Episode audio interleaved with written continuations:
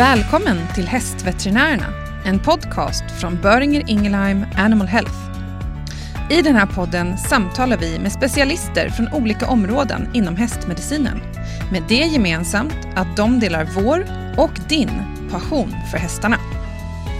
Hej och välkommen tillbaka till Hästveterinärerna, podden för dig som är veterinär eller djursjukskötare och arbetar med hästar.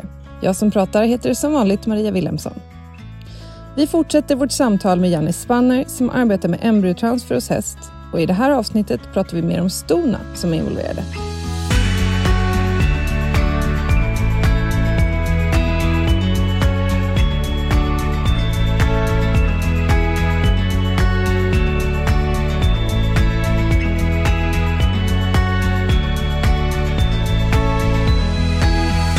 Welcome back to the podcast, Janne. Thank you very much. So, we talked about the process of uh, producing the embryos and what happens to them in the last episode. And uh, this coming episode, we're going to dedicate a little bit more to the mares. And there are, of course, two mares involved here the donor and the recipient. So, let's start with the donor.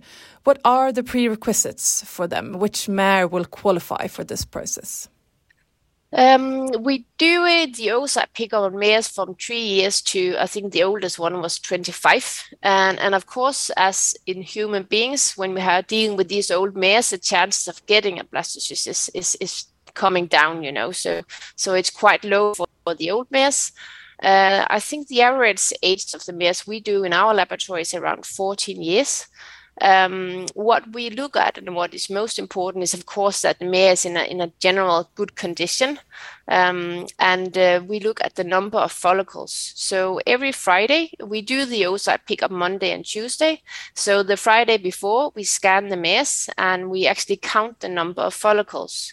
So we want the mares to have at least 10 to 15 follicles in the size of a half centimeter to two and a half centimeter. And if you heard the first session, it really is a matter of the size of the follicular wall.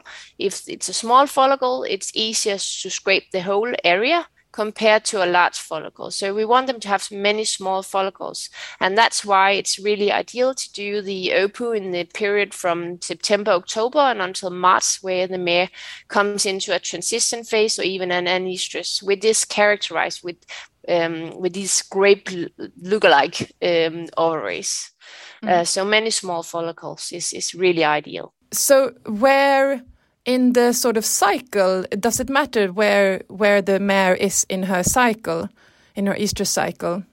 Um, yes, or actually no. It's it's it for us when we do the oocyte pickup, we, we we prefer to have them in between the heat, and it's because when the mare is in heat, she'll have like a large follicle and can be a bit difficult to get the smaller ones. And very often she don't have a lot of smaller ones because the the large follicle has told the small ones to to to to to, di- to disappear you know we talk about mm-hmm. the dominant follicle so we prefer to have it done in between the the the heat um, so normally in middle diestrus is, is a good uh, is a good time to do it.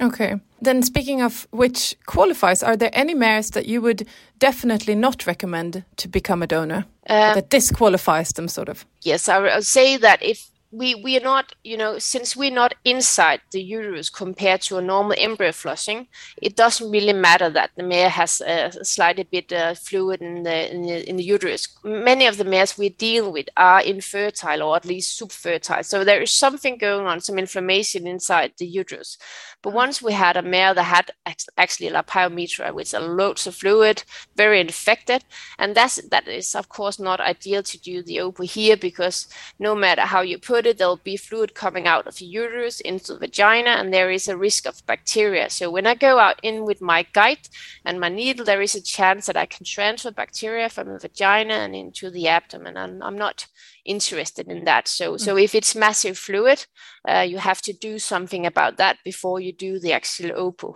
And it's also a matter about if you have a pyometra, the, the uterus is very heavy and it's difficult to lift up for me, and it's more, more much more difficult to grab the ovary. So, so we we don't do that. But otherwise, I would say um, nearly all mares can can be done. Um, we talked a little bit about the young, the very young mares. Some of them are not very used, uh, are not very not even handled, but also it's difficult to get or grab the ovaries because it's it's much more, um, you know, short of the ligaments, so it can be very difficult. So so some of them are not ideal, and some of them are perfectly perfectly fine.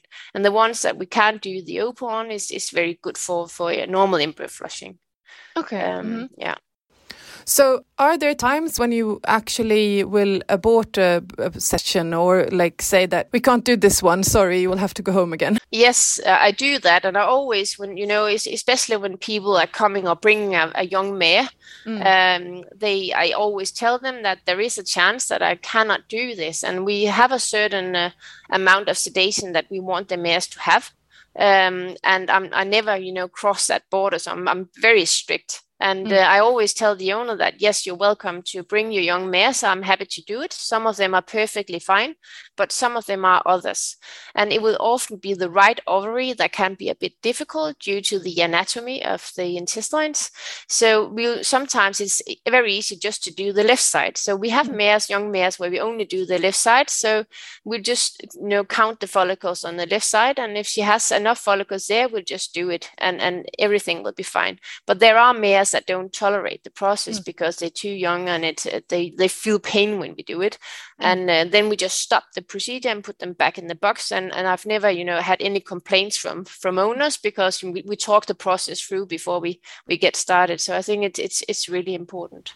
Yeah, and it's uh, also as we discussed before very the ethical perspective here how much pain are they supposed to be tolerating but yeah.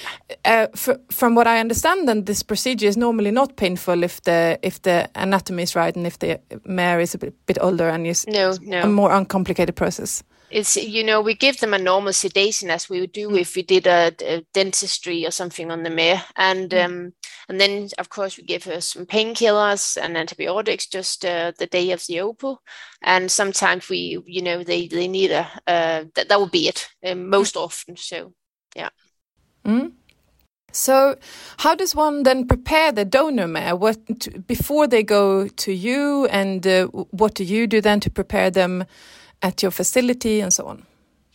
Um, the frustrating thing is that there's nothing we can do to get more follicles actually we they've okay. been mm-hmm. you know they've done plenty of studies and, and and there's nothing that is really working i think it's important that the mare is, is, is healthy also the older mares you know that she's fed correctly um, so it's always just very often a matter of time you know at some states you will have enough follicles. And there are mares that always have a lot of follicles and then there are other mares that have it only every two or three months so we have to wait quite a long time in between each session. And suddenly she has enough. So it's a question about screening. And that's, of course, frustrating. You know, I want the mare to have the output on next week, but hmm. sometimes mm. she, she doesn't have enough follicles. And then it's better just to wait. And it's always, you know, a question about increasing the chances. And of course, we want uh, the, the result to be successful.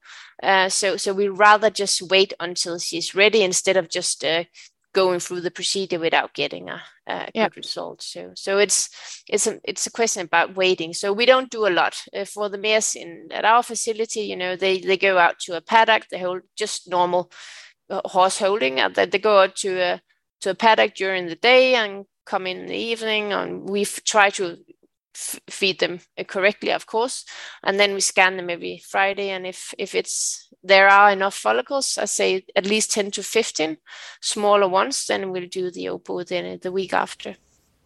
And so, how many? Like, if I if I would have a horse in the north of Sweden and I would like it to donate some oocytes to you, uh, how how long would I have to stay in southern Denmark? for for once, we have a we have a also clients from the northern part of Sweden. So they would normally arrive, you know, the day before the opposition just to have the horse time to to relax and, and, mm. calm down after his transport.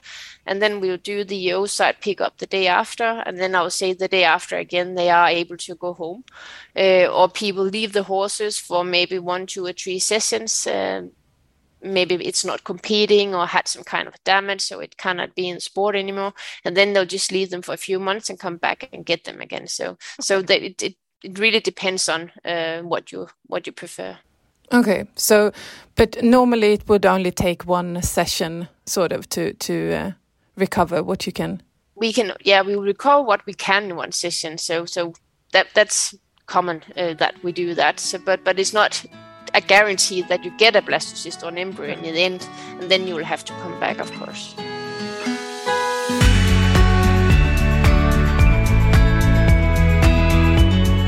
So, next, when everything is uh, set, you have a vital embryo, it needs to go into the recipient mare. Yes. Um, which mares are then suitable to become recipient mares? Um, we normally look a lot on the age of the mare from three to eight years. That's what we prefer. So younger mares, uh, in my opinion, they don't need to have had a foal before. Uh, I'm happy to use a, a, clean uterus. And, you know, people are always a bit worried about that the mare will not tolerate the foal or there will be trouble with the um, nursing and all that stuff. But it's not, not, it's something we see very rarely. So, so I'm happy to use maiden mares as well. Um, so eight years would be mm, nearly the upper limit, unless it's a mare that has been taking lots of ICSI embryos and she's just like in a continuous cycle, getting an ICSI embryo each year and actually getting pregnant. But but eight years would be our our upper limit. And mm. we use different breeds. It could be warm blood, or we have quite a lot of uh, trotters, uh, which we are very happy about using. Um, so I'm not too concerned about the breed. And one other consideration is, of course, the size of the recipient, mm. and uh, it's something people worry a lot about. But it's not. Uh, they've done a lot of studies about that, and it seems like that uh, even though you have a small recipient and a large donor mare, you know, this foal will be a quite bit smaller when it's born, but at the age of three years, it will has have the exactly the same size as um, if you compare to a, a, larger recipient. So it's nothing you have to worry about. Of course, we don't put a, a warm blood mare into a Shetland pony, but if you, you know, a small trotter in a, in a, or embryo from a warm blood mare in a small trotter is, is not, not a problem at all. Okay.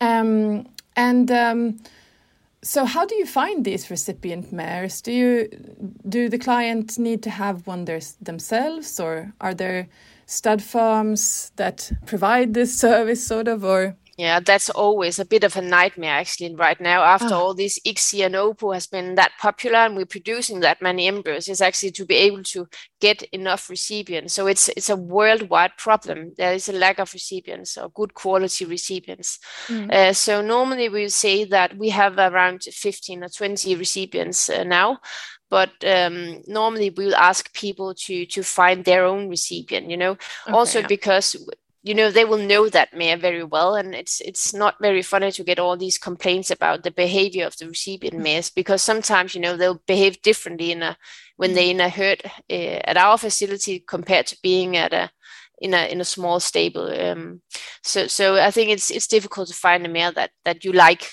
yourself um, and um, uh, so, so most people do that, but there are um, in Sjælland at Højelse Hesteklinik, uh, they have a, a, quite a large herd of recipients, and some of them are are, are used for ICSI embryos as well. So there are places also outside uh, Denmark where you can actually rent recipients. Mm. Uh, where there are lots of herds, but we don't have uh, like these huge herds in, in, in Denmark, and I don't think they have any in Sweden as well or Norway actually, to be honest. So so recipients is a kind of a, a problem. Okay, so the best thing then maybe is to just find one yourself. Also, I guess if you if you are breeding a foal, you might want to visit it sometimes and yeah exactly but very often you know when people rent a recipient at our facility you know they'll get the recipient mare home so oh, okay. when the mare is pregnant yeah mm. when the mare is pregnant 45 days they'll just bring the recipient home and take care of her as, as she was their own their own mare and and uh, you know yeah then they have a good chance to look at the foal and yeah. and then after after she's giving birth she they, they return the recipient again to to our place and we can mm. use her again okay um so i guess then um to prepare it preparing of the recipient mare is a little bit you need to be a little bit more cautious than maybe uh, and uh, specific. Tell tell us about the preparation of the recipient. Yeah, that's really really important. So when we get recipients in, we always uh, you know take a good look on her, her general condition. She's in a, in a good weight, and of course also her confirmation, her vulva conformation is really important. Um, and the most important thing is looking at the uterus. So we do a thorough ultrasound examination and on my first examination, you know, I don't want to see any fluid or anything that I need to worry about. So it's mm. the ICSI embryos is a little bit more sensitive compared to the in vivo embryos. So it's really okay. important that everything is, is perfect. Mm. Also, if you put in mind that this is a like a costful procedure, so you you know you want to to do everything as optimal as, as as possible. So so I think it's it's important that you don't use anything that yet you think is good enough. It has to be really good. So we do an ultrasound examination and we always transfer the embryos four days after the recipient has had her ovulation.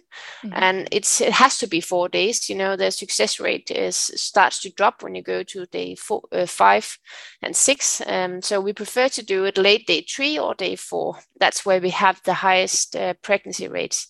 And to know when is day four you have to scan the them every day when she is in estrus and this is something that can be a little bit uh, you know frustrating because people are not used to doing that um, mm. so you have to to come back um, the, nearly the same time of the day because otherwise there could be one and a half day in between your ultrasound oh, examination yeah. mm. so you know if you come and do the ultrasound examination in the morning you have to do it at the same time the day after and when she's got an ovulation um, you know, people call us to say my mare has ovulated. There are a lot of good um, refill vets out there that actually prepare the, the mares.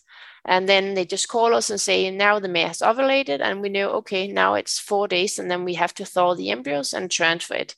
So the mare either comes to our clinic and we do all the preparation, or the mare is transported to our clinic at the day of the transfer. So we transfer the embryo and she goes back again, or we have a small uh, incubator, so we're actually able to thaw the embryos in our laboratory and drive um, all around the country and transfer embryos. So I do that a lot in the season. I have a lot of trips to the northern part of Sjælland or the northern part of Jylland um, to, to transfer embryos, and that is working very well. Mm.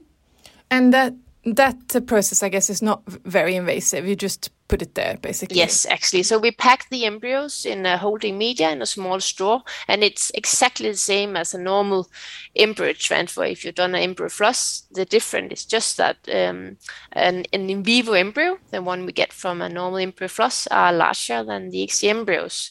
Okay. Uh, so they are more difficult to see and you have to have more experience to handle the ICSI embryos. But they're packed exactly the same way so we then we put them into our stylet and then we uh, you know clean the recipient mares very thoroughly we give her a small shot of sedation um, and then we transfer the ICSI embryo through the cervix and into the uterus and mm-hmm. after yeah 10 days uh, very often we do it a bit earlier because we are too curious but then you can do the uh, pregnancy examination to see if if there is a, a pregnancy mm-hmm. and um, what is the pregnancy rate then um, after this? You should expect at least 65 to, to 70% and, and even a little bit higher. Um, one thing you have to be aware of with these ICSI embryos so that can, even though you only transfer one embryo, they are actually able to develop twin pregnancies. So hmm. this is something you have to be aware of when you do your 25 or 30 days ultrasound examination or pregnancy tests. Mm. So hmm. we always recommend people to do that because there is it's a small risk, but there is a risk of uh, of getting a twin pregnancies, um, and it's always very frustrating because people you only transferred one embryo and then we have mm. two here. But the thing is, you know, they they are in the same vesicle, so there are two embryos in one vesicle, which is uh, ah. uh, different from a normal twin pregnancies. Ah, okay. And you can't you can't tell if it's uh, two or one if it's in the same. You can, yeah, but you just have you you can, but you have to be more careful, not just you know scanning and yeah, it's a pregnancy. You have to you know do it a bit more slowly and to make sure there is only one heartbeat, and yeah. it is easy enough to see if you know that you have to look for it. But if you don't know that there is a chance that it can produce a twin pregnancy, then uh, you can. Uh, there is a chance that you won't see it. Mm. Thank you very much, Jenny, for, for this talk. Uh, and in the next episode, we'll do some miscellaneous questions and uh, also a little bit about post mortem embryo production. That sounds exciting. Uh, thank you. Thank you.